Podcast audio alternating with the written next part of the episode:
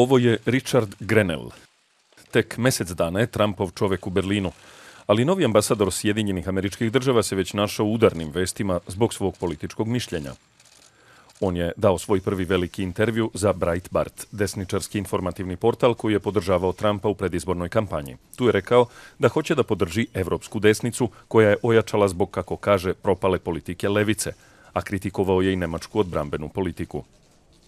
Političari u Berlinu su bili zapanjeni. Želimo da sa njim vodimo dobre razgovore, ali pod uslovom da održi razmenu sa svim partijama, a ne samo sa konzervativcima. Prevrat iz Vašingtona, to nam ovde nije potrebno. Već prvog dana na novoj funkciji Grenell je rekao da nemačke firme imaju odmah da se povuku iz Irana. Iako nije neobično da ambasadori iznose svoje političke stavove, način na koji to Grenell radi je nov. To prelazi granice onoga što bi ambasador trebalo da radi, ne samo u partnerskoj zemlji, već i bilo gde. Mešanje u unutrašnje stvari svakako nije posao ambasadora. Grenell u redovima nemačke vlade ima bar jednog prijatelja. To je ministar zdravlja Jens Spahn. Njih dvojica se poznaju i privatno i postavljali su na internet i svoje zajedničke fotografije.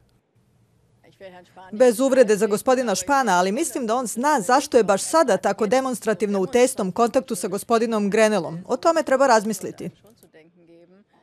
Moguće je da se upravo stvara konzervativna klika pod voćstvom Grenela, ali ima i političara koji na sve to gledaju pragmatično.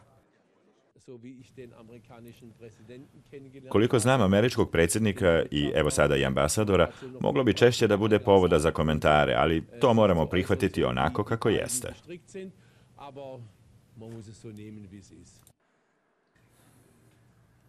Grenell kaže da ostaje pri svojim komentarima, a optužbe da podržava određene političke partije naziva besmislenim.